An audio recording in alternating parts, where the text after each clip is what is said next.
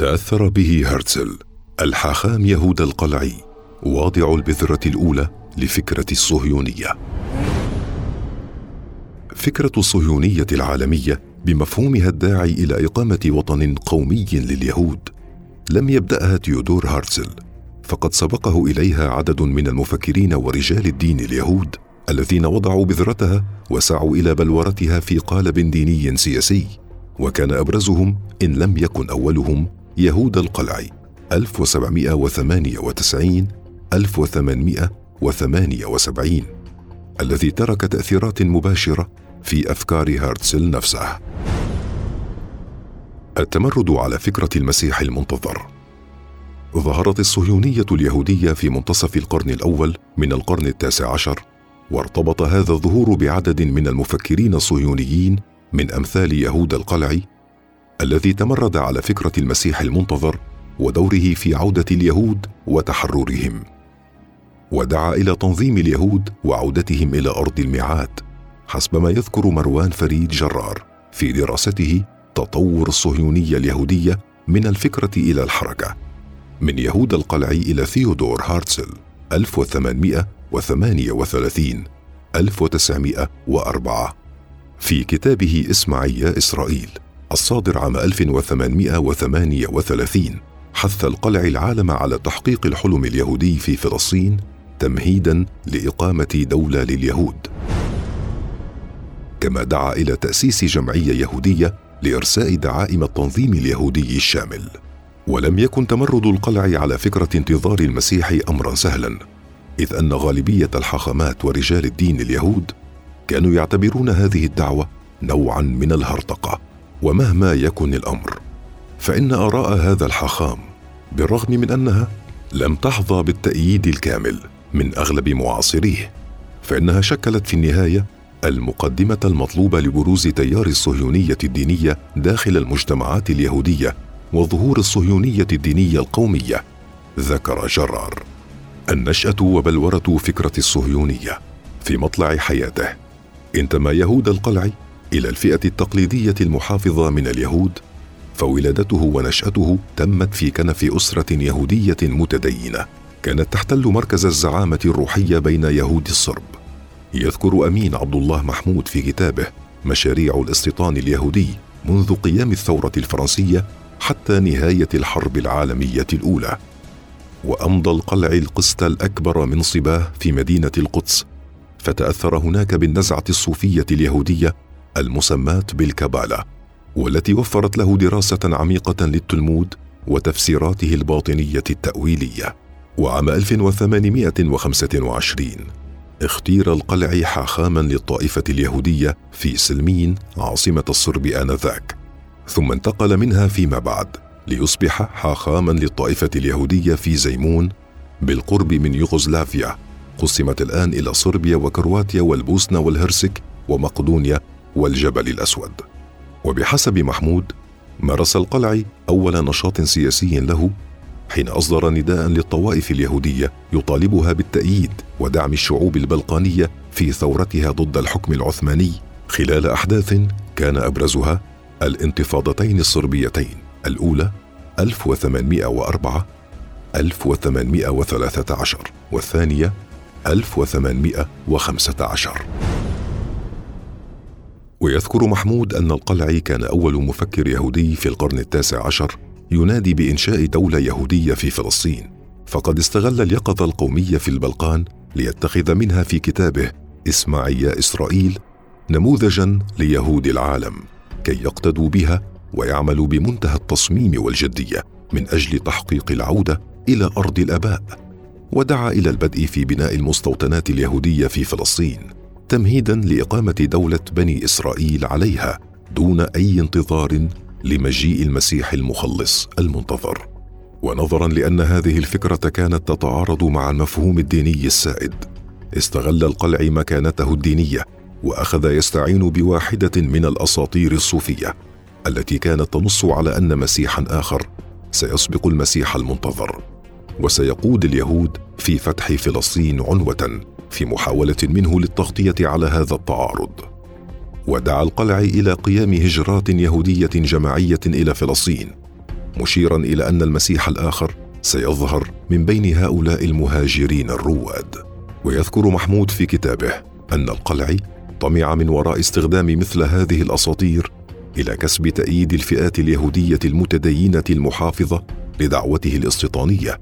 وفي نفس الوقت كان يهمه بالطبع إرضاء الفئات اليهودية العلمانية بغية المحافظة على تآلف ووحدة العمل اليهودي. المسيح الإنسان والخلاص اليهودي. عام 1839 أعلن القلعي أنه توصل بناء على حسابات أجراها بموجب علم الكبالة. إلى نتيجة مفادها أن عام 1840 سيكون عام الخلاص اليهودي والعودة إلى أرض الميعاد. لذا أخذ يحث اليهود خاصة الفقراء منهم في أوروبا الشرقية على الإسراع في الهجرة إلى فلسطين تحت لواء المسيح الإنسان استعدادا لمجيء المسيح المنتظر. أتت هذه النبوءة في وقت بدأ فيه محمد علي باشا يتراجع عن فتوحاته في بلاد الشام أمام ضغوط بريطانيا وحلفائها. وفي الوقت الذي بدأ فيه الاستعداد لعقد مؤتمر لندن عام 1840 وكان من ضمن البنود المقترحة على جدول أعمال المؤتمر بند يتعلق بإمكانية إنشاء دولة يهودية في فلسطين لحماية الشرق العربي من خطر أي محاولة وحدوية جديدة تنبع من مصر ذكر محمود. كما أتت هذه النبوءة في أعقاب زيارة قام بها القلعي لعدد من دول أوروبا الغربية وفي مقدمتها بريطانيا حيث حظي بمقابلة بعض المسؤولين فيها وعدد من رجال المال اليهود. الخلاص الذاتي التدريجي.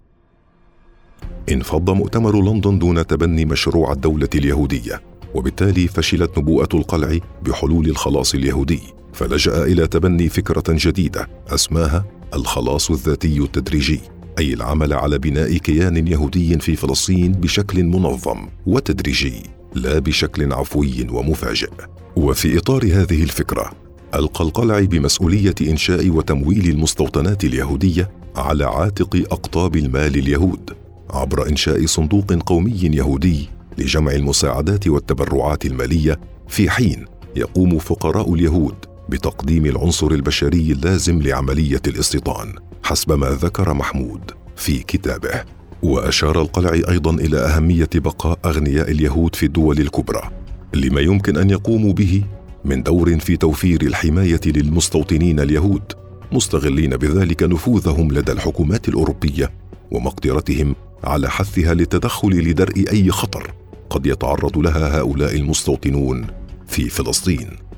واشتمل البرنامج الذي وضعه للخلاص الذاتي التدريجي على عدد من البنود. منها الدعوة إلى عقد جمعية عمومية يهودية عامة مهمتها إرساء دعائم تنظيم يهودي شامل. تتولى إدارته ورعاية شؤونه مجموعة من حكام اليهود للإشراف على عملية استعمار فلسطين وإنشاء المؤسسات الاستيطانية فيها. وتضمن البرنامج أيضا دعوة للبدء بعملية نقل فقراء اليهود للاستقرار في فلسطين والعمل على شراء المزيد من أراضيها على أن تكون ملكيتها باسم الشعب اليهودي بأجمعه. وقد تبنى الصندوق القومي اليهودي الذي تأسس عام 1901 الأفكار الرئيسية التي وضعها القلعي لنشاطه.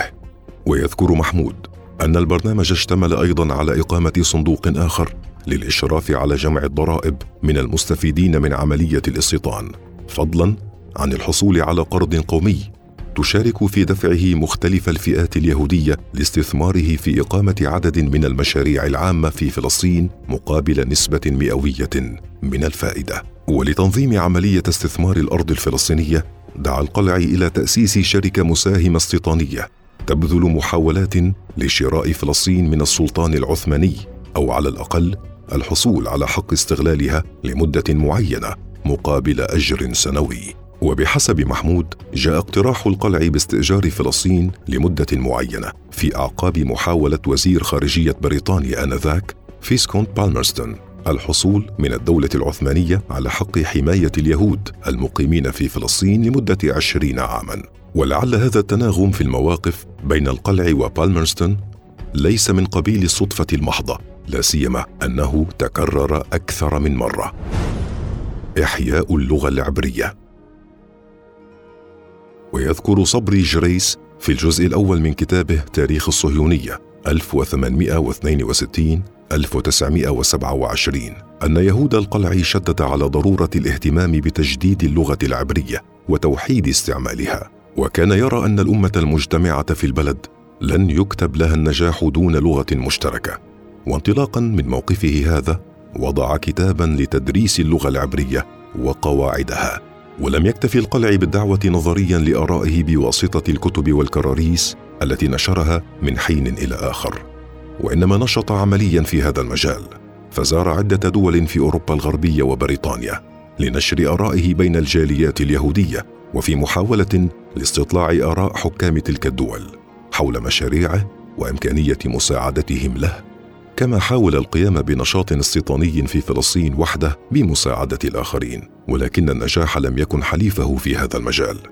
وفي أواخر أيامه هاجر إلى القدس عام 1874 وتوفي هناك عام 1878 وبحسب جريس يعتبر القلع واحدا من رواد الفكر الصهيوني. فقد استطاع خلال فترة نشاطه التأثير على أحد زملائه وهو الحاخام تسفي هيرتش كاليشر الذي أصدر سنة 1862 كتابا بالعبرية بعنوان البحث عن صهيون. طور فيه الآراء التي دعا إليها القلعي وفي السنة نفسها صدر كتاب آخر بالألمانية يروج لآراء مماثلة بعنوان روما والقدس لمؤلفه موشي هيس. وكان الحاخام كاليشر من اليهود المتدينين التقليديين. بينما كان هيس ينتمي إلى فئة اليهود المثقفين ويعتبر كتابهما من الكتب الصهيونية الأساسية إذ اصبحا فاتحة لتيارات فكرية صهيونية سرعان ما وجدت من يتبناها ويعمل على تطويرها ثم ينتقل بها على حيز التنفيذ. ولم يتوقف التأثير الفكري للقلع على الحاخامات والمفكرين في عصره فحسب وإنما امتد إلى آخرين بعد ذلك. منهم تيودور هارتزل مؤسس الصهيونية العالمية إذ كان القلع على علاقات حسنة مع عائلته. وقد تكون تعاليمه هي التي غرست في قلب هذا الفتى بذور الصهيونية أثناء إقامته في المجر. تأثير القلع في هارتزل. العلاقة بين أفكار القلع وهارتزل رصدها محمد الأرناؤوط في دراسته من سراييفو إلى القدس عبر زيمون ألحاخام يهود القلعي 1798 1878 رمز الانتقال من الصهيونية الدينية إلى الصهيونية السياسية ذكر أن مقارنة أفكار القلع بما انتهى إليه هارتسل في كتابه الدولة اليهودية الصادر عام 1896 تشير إلى اطلاع هارتسل عليها. ضمن العلاقة الوثيقة التي ربطت أسرتي القلعي وهارتسل وامتدت إلى ثلاثة أجيال. وبحسب الأرناؤوط أقامت أسرة هارتسل الأشكنازية الألمانية في بلغراد خلال الحكم النمساوي للمدينة 1717 1739 وانتقلت إلى ضاحية زيمون مع القوات النمساوية بعد أن أصبحت ضمن الحدود النمساوية بموجب صلح 1739 مع الدولة العثمانية. أما سايمون هارتسل 1784 1879 الجد المباشر لتيودور والذي كان يعمل في صناعة الزجاج. فقد كان يمثل الجيل الأول في أسرة هارتسل الذي شبك علاقة وثيقة بيهودا القلعي وتأثر به. فهذا الحاخام هو الذي عقد قران سايمون على زوجته وكان يحضر دروسه في المدرسة. كما أن الصلة بين الأسرتين والتي استمرت أربعين سنة كانت تضمن بأن يحصل سايمون على نسخة من كل كتاب يصدره القلعي. وفي هذه الظروف ولد عام 1831 في زيمون الابن يعقوب أو ياكوف والد تيودور وسافر بعد بلوغه الخامسة عشر إلى بودابست على أمل أن يحصل على فرصة عمل ومعيشة أفضل روى الأرناؤوط ومع استقراره وزواجه وإنجابه لابنه تيودور حافظ يعقوب على علاقته مع الأسرة في زيمون بسفره من حين إلى آخر. وكذلك بتبرعه في المناسبات للكنيس في المدينة. ومن ناحية أخرى كان الجد سايمون يزور من حين إلى آخر بودابست ويحدث الابن والحفيد تيودور عن الكتاب الأخير للقلع المصير الإلهي الذي صدر في فيينا عام 1857 وتناول فيه بالتفصيل خطته حول عودة اليهود إلى الأرض المقدسة واستعادة مجد أورشليم. ونظرا لأن الجد سايمون توفي عام 1879 أي عندما كان تيودور في التاسع عشر من عمره طالبا في كلية الحقوق فقد كان الحفيد في عمر يستوعب فيه مثل هذه الأفكار. صحيح أن تيودور هرتزل كان في شبابه آنذاك من دعاة اندماج اليهود في المجتمعات التي يعيشون فيها إلا أنه بعد معايشته لمعاداة اليهود في فرنسا خلال تغطيته لمحاكمة الضابط اليهودي الفرنسي دريفوس الذي اعتقل عام 1894 بتهمة تسريب وثائق إلى ألمانيا ارتد عن إيمانه بالاندماج ووجد في مؤلفات القلع وأحاديث جده سايمون عن كتابه الأخير المصير الإلهي منبعا لتفكيره الجديد الذي أعطاه اطارا سياسيا بحتا ليؤسس بذلك للصهيونية السياسية التي عبرت عن نفسها في مؤتمر بال في سويسرا. عام 1897 وتأسيس المنظمة الصهيونية.